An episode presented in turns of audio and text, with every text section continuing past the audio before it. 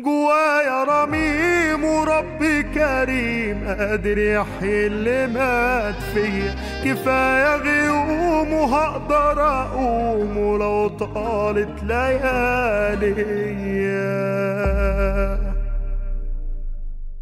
أيوة الحسد بيعمل انهيار للسلام النفسي. كتر الانشغال بالمفقود والحسرة على الموجود بيهدم إحساس الإنسان بالسكينة والرضا. عشان كده محتاج تاخد خطوات لإعادة بناء السلام النفسي اللي انهار بسبب دبيب الحسد. هما بيقولوا إن الحسد جاي من كلمة الحسدل ودي حشرة بتقرقط في القماش. ففعلا الحسد بياكل إحساس الرضا والسلام النفسي.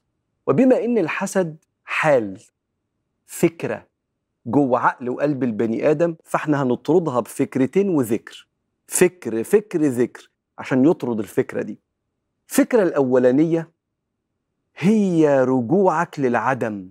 العدم هو الزمن اللي كان ربنا لوحده ثم أراد إنه يخلق البني آدمين ويخلق الكون ويوزع الأرزاق على كل واحد فيهم. فاختار لك أنت إيه؟ ارجع للعدم ده. لا كنت عامل عمل صالح ولا كنت بتتصدق ولا كنت بتصلي انت كنت مش موجود كنت روح عند ربنا. وفي العدم الله اختار لك الإسلام واختار لك سيدنا النبي عليه الصلاة والسلام واختار لك كل نعمة هي سبب استقرار حياتك دلوقتي حتى لو عندك نعم ناقصة. بسم الله الرحمن الرحيم. يسبح لله ما في السماوات وما في الأرض الملك القدوس العزيز الحكيم.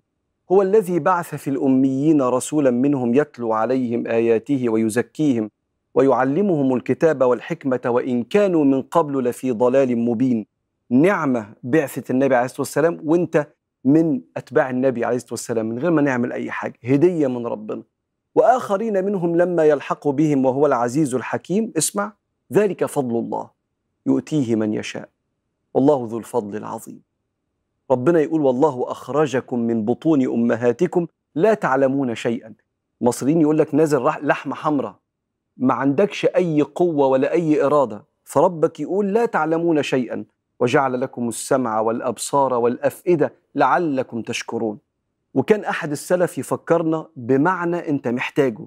يقول نعمة الله فيما صرف عنا أكثر من نعمته فيما صرف إلينا.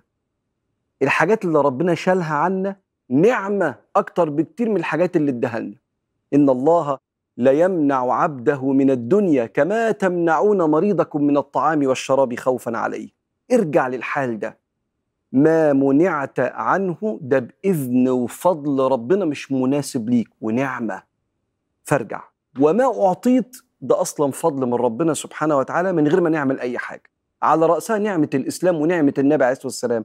فأي نعمة في الدنيا بعد كده ما تسواش. فلو ربنا صرفها عنك مش ما بيحبكش عشان ده الأنسب ليك. دي الفكرة الأولى. الفكرة التانية ما تمشيش في سكة استدعاء البلاء بعدم الرضا بالموجود. ساعات البني آدم محتاج يحذر نفسه. زي ما فكرت نفسك بحالك في العدم فكر نفسك إنك تحذر نفسك. إنك لو مش قابل هدايا ربنا هذا الحال اللي ممكن يجر لك بعض السخط ممكن يتسبب في سلب النعم اللي أصلا سبب في استقرار حياتك دلوقتي. أنت دلوقتي في بعض الحاجات اللي مش عندك.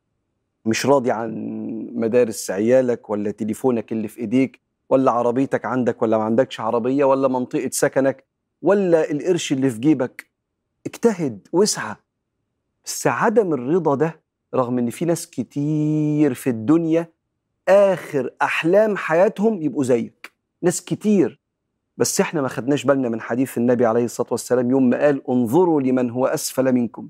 في بعض الأوقات بتحتاج النصيحة دي. ولا تنظروا لمن هو أعلى منكم. ذلك أجدر الا تزدروا نعمة الله. عشان ما تزدريش نعمة ربنا. في وقت من الأوقات يبقى فكر نفسك إن في ناس ما تحلمش باللي في إيديك. عشان ما تبقاش ماشي في سكة استدعاء البلاء بفقدان الموجود عندك. فكرت نفسك بالعدم حذرت نفسك إنك ما تمشيش في سكة البلاء نقص الذكر. فكر فكر ذكر. ما لا يطرد بالفكر يطرد بالذكر. هنطرد الحسد بالذكر. انهي ذكر؟ أذكار الحمد اللي النبي كان مواظب عليها. لما كان يأكل الحمد لله الذي أطعمنا وسقانا وجعلنا مسلمين. لما كان يلبس الحمد لله الذي كساني هذا ورزقني من غير حول مني ولا قوة.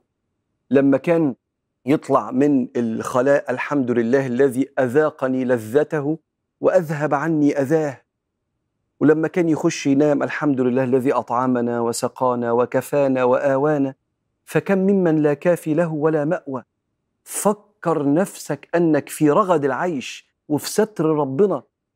ما دام بتتنفس وعارف تبلع وأعضاء جسمك شغالة أنت بخير واللي مش عندك اختيار ربنا.